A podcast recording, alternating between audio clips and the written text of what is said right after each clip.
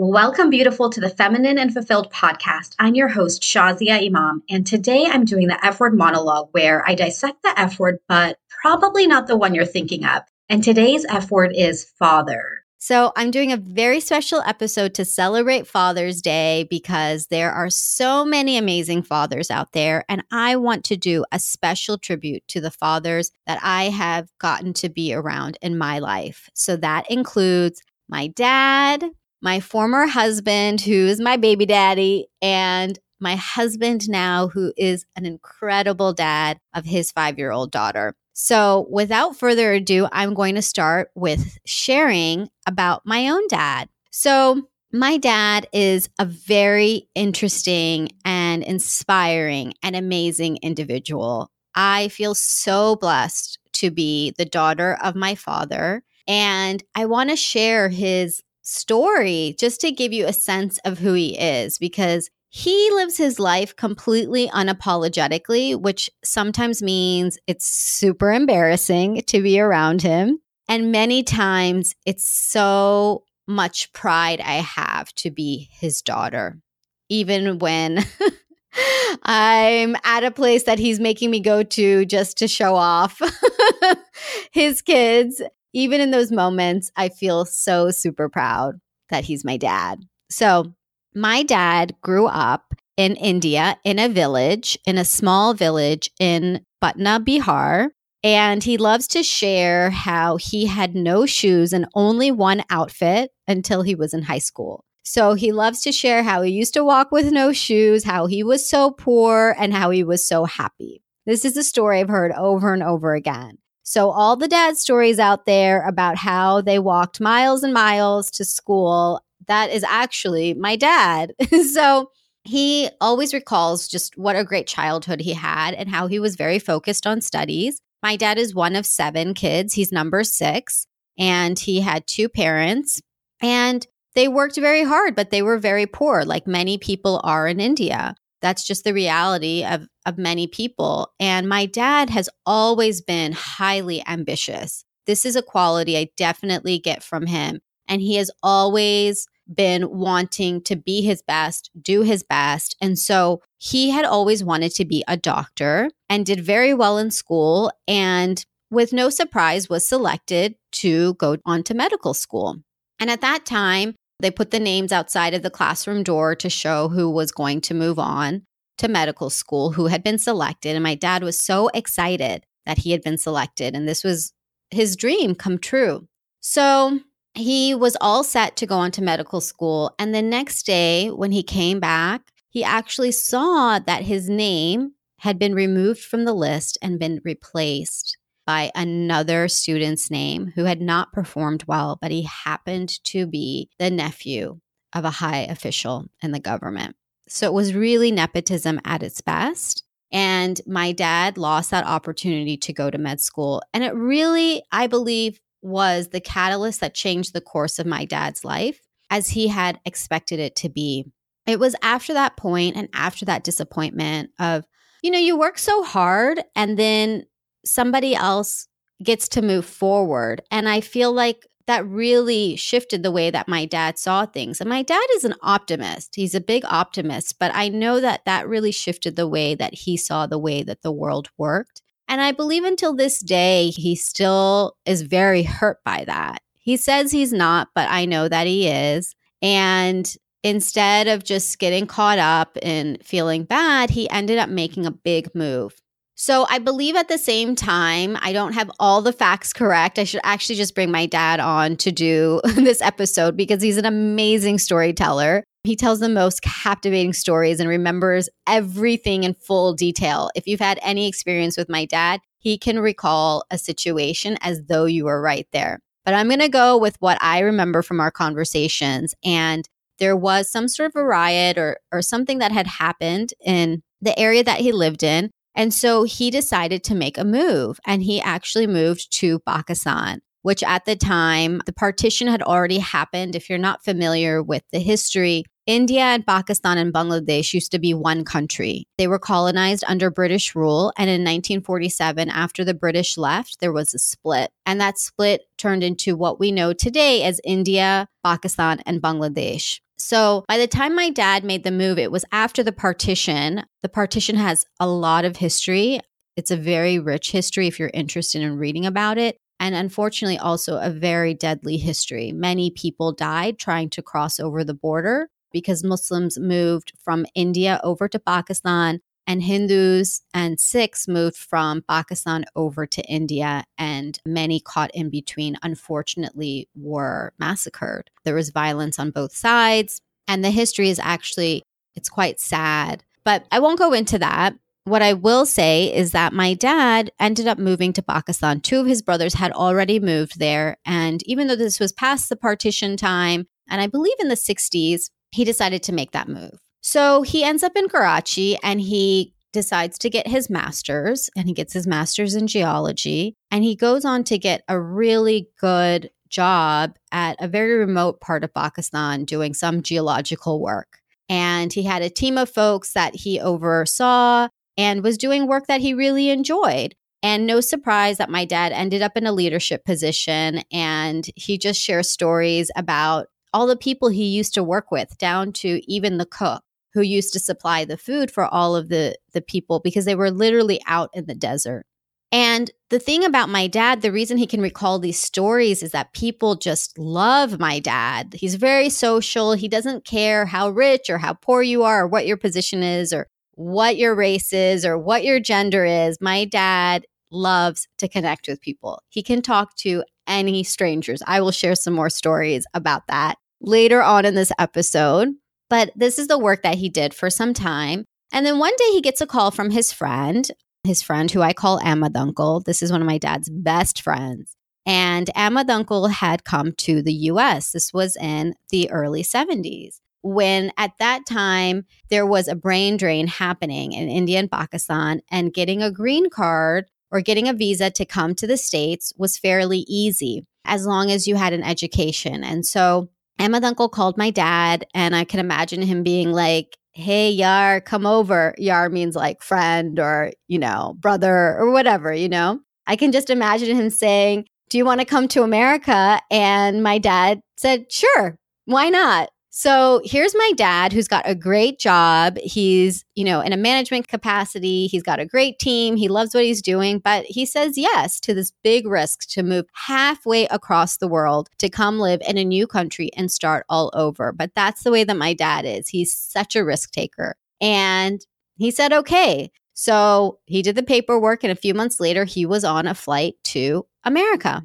The story when he got to America is pretty funny because the plane got delayed. And at that time, they didn't have cell phones. And, you know, it wasn't easy to just get in touch with people back then. So he ended up having to enroll, I think, a taxi driver to take him to the address of the, at least the apartment he knew where his friend was staying. And I'm sure that was super easy for my dad to do. And he ends up at his friend's place. at my Uncle's house. And from there, a few of these young guys start their life together. They are in low paying jobs. My dad started off as a security guard, and this is an educated man with a master's. He started off as a security guard and he worked his way up to working in the government. And in between, he ended up marrying my mom. So he came back to India because his mom had found a lovely woman for him to marry. And him and my mom met each other the evening of their marriage.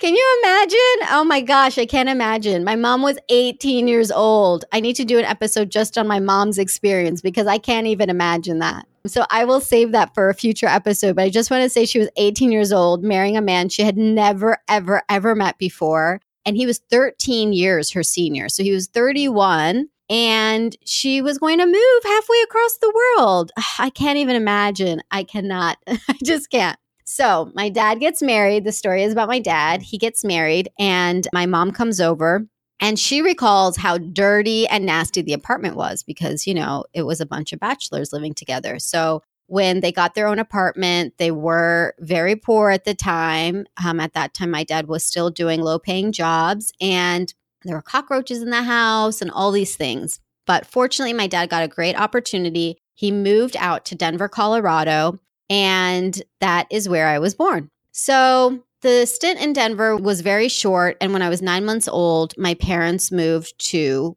Virginia, which is where I grew up. And that's when life really started with my dad being my dad. So, what was that like? Oh my goodness. My dad always said to me, there were a few things he always said to me. And one of them was that you are no different from any man. Just because you're a woman, you are no different than any man.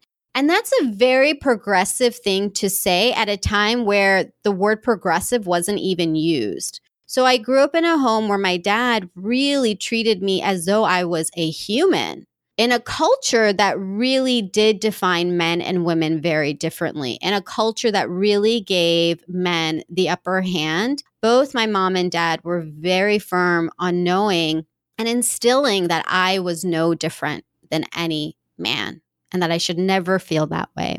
The other thing that my dad would always instill in me was service, was being in service to others. My dad has selflessly given his time and his effort to serve those in need. He's always got a project or two under his belt where he is helping the downtrodden. My dad has a special place in his heart for the people who really have nobody. He is always thinking about those who don't have money, who don't have representation, who just are invisible to many in this world. And so his lesson was always to be in service to others and to be in service without recognition. My dad never took on any leadership positions, and he's very proud of that. In some ways, I don't agree with him now. When I look back and I can look at things differently, I feel that it wasn't in service to everyone to not take on leadership positions, especially my dad, because he brought in a lot of great skills. He brought in that love and that care. And he's so organized and he's such an executor of things. He's done so many fundraising projects, service projects, event planning, all sorts of things that while I know my dad really likes to be proud of not being in leadership positions, I do wish he had. So that instillingness of service has always been a part of who I am too. I'm at no level near my dad, but I absolutely have that same love and care for people who are underserved or disenfranchised. So that's the second thing my dad instilled. The third thing, which is really funny, because I need to share a story about this, is that my dad always instilled, he would always say beta, and beta means child in Urdu. If you've met any Urdu speaking parent or South Asian parent, they will say the word beta, whether it doesn't matter actually what language you speak. If you are from South Asia, you have a parent who calls you beta. So my dad would always say to me, beta, I don't have to tell you I love you. You just know it. And he would always say this to me. And he would always repeat how in our culture, we do not say, I love you. You just know it. And and so I grew up feeling like that, that love didn't have to be said. It was just known, and it was. I mean, my dad showed his love to me in so many ways. He showed his love to me by taking me out for ice cream when I was little, helping me to ride my bike. He would take me to the mall as a teenager and he would sit and wait for me as I went shopping and he would drop me off at my friends' homes and sometimes even pick up my friends and take us places when they couldn't get a ride because he knew I really wanted to do something. And my dad always, always, always put me first. There was never a doubt in my mind that my dad didn't love me. And to this day, I still remember sitting atop his shoulders when I was a little girl and going through crowds at fun events like Wolf Trap and just different family events and concerts and festivals. And my dad just taking me wherever I wanted to go.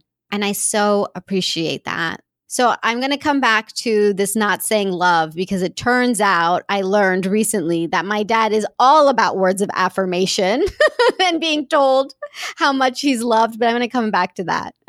So these are the things that I just adore about my dad. He's hardworking, he's super organized. He was into lists before spreadsheets existed, which I'm also super into spreadsheets and clearly get that from my dad. And I just, I love that he was just never embarrassed by anything. He really said and did things unapologetically, even when it was uncomfortable. And that's something that has really helped me to be more fearless. I think in certain situations, I still have a lot of fear about things. But my dad would always just say, Who cares what other people think? Who cares? If I'm going to do something, I'm going to do it. I'm going to say it. And I really appreciate that. I really appreciate that upbringing because it's helped me to not worry as much about what others think, even though I do a lot. I do a lot. There's still times I hear my dad's voice and I'm like, yeah, who cares? Right. So, the other side to growing up with my dad, if I'm going to be totally transparent, is that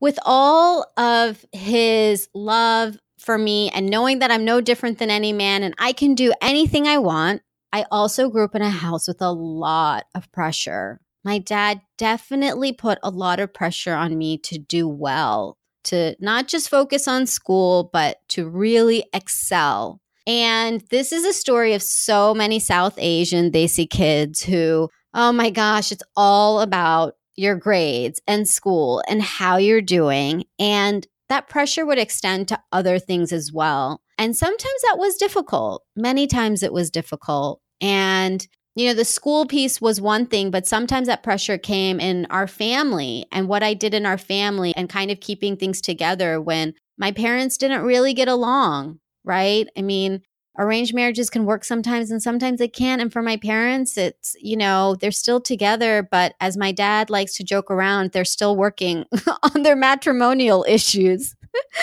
so that pressure definitely pushed me to grow up probably faster than I would have expected. And that pressure has kind of stayed with me up until today. And one of the things that my dad really wanted, which I just rebelled against, was that my dad really wanted me to be a doctor. So he wanted me to realize the dream that he didn't have. And to this day, I still have to say my dad was disappointed when I got an engineering degree. Like that was the disappointed degree. That's pretty sad. Come on, let's be honest. That's pretty sad. Like an engineering degree is so good, but my dad still says, I wish you had been a doctor.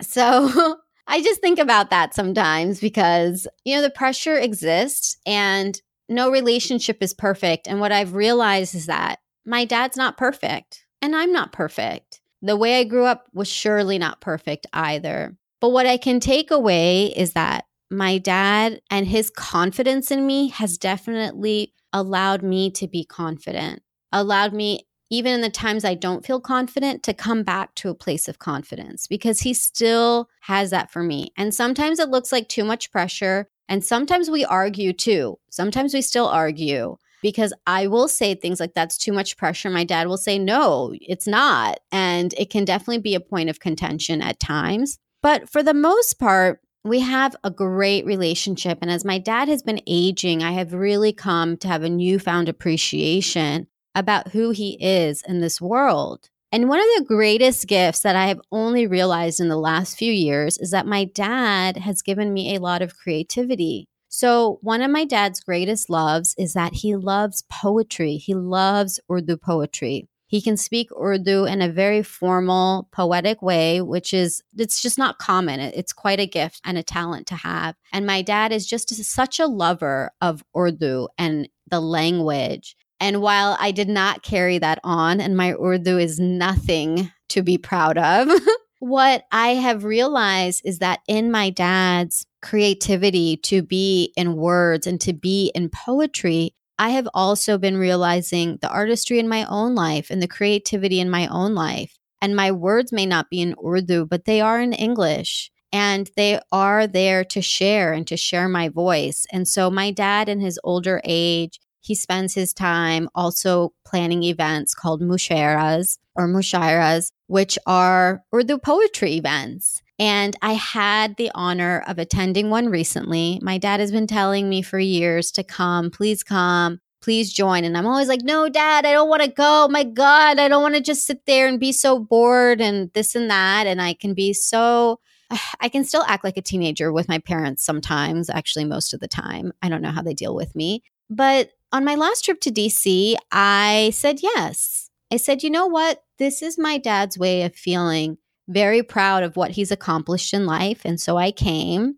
And my dad had me come up to the front and, you know, he did the embarrassing thing of showing me off in front of his friends. And I was mortified. But I was also really happy because my dad's greatest pride and joy are his children. And in a world where so many people don't get that love from their parents, where so many people don't get that love from their fathers, I am grateful to have that love from my dad, even when it's not perfect and very imperfect at times. But I'm so grateful to have a dad who, no matter what I've been through, still holds me high, still loves me, and still pushes me to be my best. So it was so nice. He got to show me off to all the other aunties and uncles in the room. And I just, you know, I did a little shout out to the moms because it was around Mother's Day. And then my mom was so happy and it made me happy to make my parents happy. It's kind of sad for me to realize this lesson later on in life, but I'm just being so transparent with you guys. So that is my dad. And to circle back on the story about my dad saying how he never says, I love you. So, this past birthday that my dad had, my dad's birthday is in March, I decided to give him a gift. I haven't given him a gift in years because for years he never used my gifts. I would give him a nice outfit and he would never wear it. He would still wear his like ratty old clothing, which most days is a wife beater, like a white wife beater shirt that's actually turned gray from being washed so many times, and these like nasty like cargo shorts that are just like so old and tattered. And he wears this almost every day because he's out in the garden. He loves to garden. He has a huge garden in the backyard. And so all the outfits I bought, they sat and never got worn. Anything else I bought him, it never got used. So over the years, I just stopped giving him gifts. But this year, I was like, I'm going to do something different. So I gave him this gift of this little book that said, What I Love About Dad. It's one of these knock knock books. I don't know if you've seen them. I bought it at Charming Charlie, but it's just a little book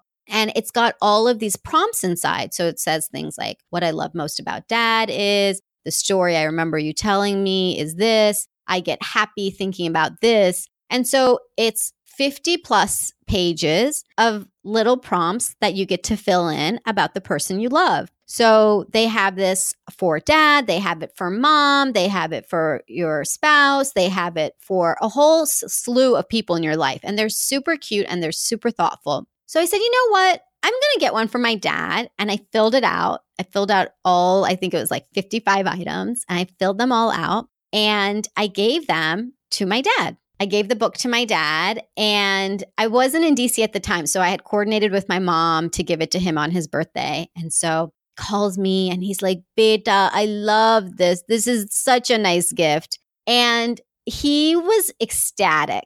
And so I had no idea. I just thought I'm just going to try. And it was a really fun exercise to do because that's really what gave me a newfound appreciation of my dad because I got to think about all of these wonderful things that he had taught me and shown me and the wonderful way he had raised me. It was it was really nice to fill this book out for him. So when he called, I was really happy. And I kind of thought that was the end of it. And I was like, oh, I guess my dad does love hearing, you know, that I love him, even though all these years he has said we don't say that to each other.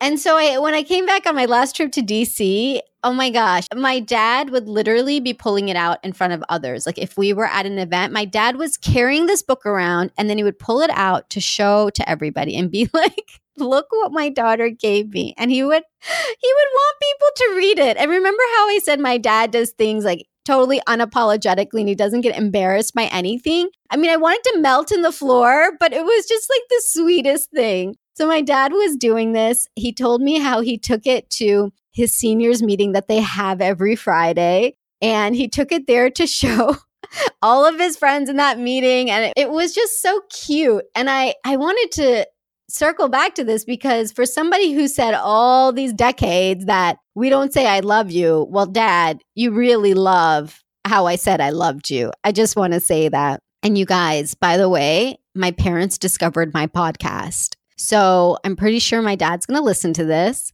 And I'm totally embarrassed that they've discovered my podcast because now I'm like, oh my gosh, I don't know. I get embarrassed by my parents listening to my stuff. But as always, my parents are just so proud and giving me so much encouragement. So, Dad, if you are listening, thank you for being the best dad ever. You'll always be my daddy. And I love you so much. And I'm so grateful that you are in my life. So that is my shout out to my dad. Now, there are other fathers that I'd mentioned that I wanted to highlight in this episode. And so I'm going to move on to my baby daddy, which is my former husband, Wasim. So, Wasim and I, if you haven't listened to already in episode zero zero, I share the story about our son. When we were married, we had a baby. And while he didn't get to stay with us in this world, we got to share some precious moments with him before he passed away. And I got to share that with Wasim. And that is something that I will forever cherish. I will forever cherish that he is the father of my child. And he's not just the father of my child, he's an amazing father. While he didn't get to raise our son, our Chotu Sonu, which means little love, Wasim has always been so great with kids. We used to have all of his nieces and nephews over to our house almost at least once a month, if not more. And his nieces and nephews ranged from, gosh, when we first got married, anywhere from about five to 16. And so we used to have a bunch of kids. We used to do these weekend slumber parties and we'd hang out and watch movies and have so much fun. And we did this for years and it was really a highlight to me because Wasim is great with kids, great with kids, no matter what age. And even with our friends' kids, he was so great. Kids would always open up to him and play with him. And he just had such a loving heart, or he has such a loving heart. He's still alive and he's still like this. And it was almost his own childlike quality himself that would really come out and allow kids to just be themselves. It's something that I still cherish so much. It was always so beautiful to watch. And one of the hardest things for me about losing our son was I felt that in many ways I had crushed Wasim's opportunity to be a father. And that hurt me for a very, very long time. And I know he was devastated. And I know it's really one of the major catalysts for why we didn't stay together. And, you know, everything does happen in perfection. And I don't sit and regret anymore. I held guilt for a very long time. But what I can appreciate is that we have a child together, not with us, but in the heavens above, and that he will be a dad one day. He'll be a dad again, actually, and he's going to be an incredible father. And I wish that so much for him. And Wasim got married last year, and I'm so happy for him. And I told him, I said, Congratulations, I'm so happy for you. And I'm so excited that you're going to become a dad again one day. And he is going to be an amazing father. So I would be remiss if I didn't include him in this episode because he is my baby daddy. And we will all get to meet our son in the next life. And I'm grateful to have shared that opportunity and experience with him because even the moment he held his son, the love was was there. Ah, my goodness. I love thinking about our Chotu Sonu. He was just so little and so perfect. And I can't wait to meet him again. So now I would like to share about the other father in my life right now which is my husband, Antonio, who is the father of his daughter, Nasima. And Antonio, I get to witness as a father ever since we got married. So Antonio made a decision to come live near his daughter because she didn't live in the same area as him. And he made a decision to completely change his life to come and live near her. And it, was a sacrifice that he made, and maybe a sacrifice that other fathers may or may not make, but that wasn't even a question for him. And one of the main reasons that I married Antonio, even though I knew that being a step parent was going to be very difficult, and to be honest with you, I had not wanted, I did not want to be a step parent. When I thought about becoming a wife again, I had actually said I didn't want to be a step parent. But when I met Antonio, and I saw how much he loved his daughter, that he was willing to do whatever it took to be near her. It showed me what kind of a man he was and is. And so we are married now, and I made a big move to Dallas, and we get to be near Nasima, and she is the light of our lives. When she comes over, oh my goodness, she brings so much light and life into our home. And there's a word in Urdu, ronak, which really means that that children bring light and life into our lives, and she does that. And she does it because she's just a beautiful, fun, easygoing child. She's so much like her dad. Oh my gosh. First of all, Nasima looks just like Antonio, like literally mini me. It's super cute. And she gets so much of his character traits too. And that includes being really easygoing, being laid back, being able to just have a good time. She loves to laugh. She's very curious. She loves to learn. She's teaching herself to read right now.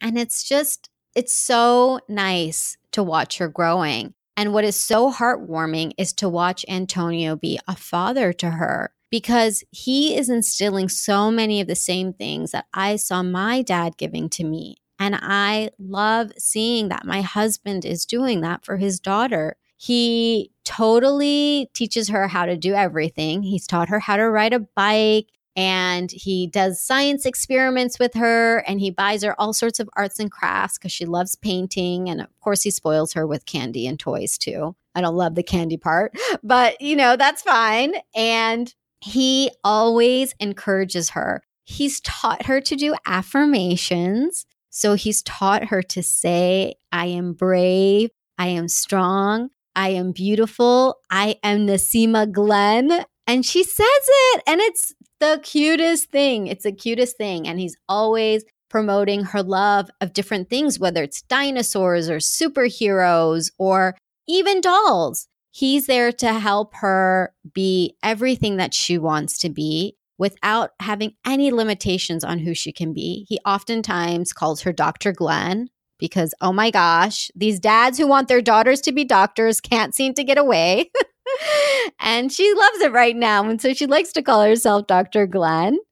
And they do so many things. They do workbooks together. And so there's a lot of learning and there's so much fun. There's so much fun. Antonio is there to roughhouse with her. They like to wrestle and play and play tag and just have a good time. And they have the funniest conversations. They like to talk about what their breath smells like. So they like to say things like, my breath smells like gorilla butt. And then somebody else will say, well, my breath smells like poo poo sitting in other poo poo butt. I don't know. I mean, they just say the craziest things and then they laugh and they laugh and they laugh.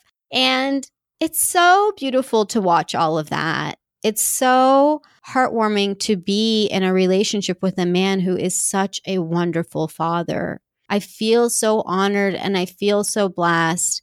And he is constantly wanting to do what's best for Nasima, always thinking about her future, how she's living now, how can she have all the best things that he didn't get to have. And that so reminds me of my dad, too. My dad, who didn't have the things growing up, he wanted to make sure his kids always had. And to be a daughter with a father like that is a great blessing. And I'm grateful for my dad, and I'm grateful that Nasima has her dad. And I'm grateful that I get to witness it. So that is a special shout out to Antonio. And I know you listen to my podcast too. So thank you for listening. Thank you for being a wonderful father and a wonderful husband, and for allowing me to be a part of your family, allowing me to be a loving mother figure to Nasima for allowing me to have a hand in her parenting as well. Even if we don't always agree, I appreciate that you give my voice a chance as well. And I appreciate this family that we have together. And who knows, maybe the family will grow one day. So thank you for being a wonderful man in my life. So that wraps up all the fathers in my life. And I want to wish a very special happy Father's Day to all the fathers out there. I know that there are some male listeners, so happy Father's Day to you. And to all my beautiful female listeners, a happy Father's Day to your dad, to your husband, And to any other dads, your brothers, cousins, friends that are amazing fathers, happy Father's Day to all of them. And I would love to hear the story about you and your father, what that relationship was like. I know many times it can be heartwarming and many times it's not. And so I would love to just hear your story about your father, what he has meant to you in whatever way that means. And you can do that. You can reach me at thelifeengineer.com slash contact. That's thelifeengineer.com slash contact. And there's a special spot there just for blog feedback. I would love to hear your story and just spread this love that we have of fathers, no matter how perfect or imperfect they are. It's a blessing to be daddy's little girl. So that's today's episode. Happy Father's Day. And to all the fathers, please continue the great work that you're doing to raise beautiful daughters who are strong and powerful and worthy. And that's all. Thank you for listening. Lilas, love you like a sister.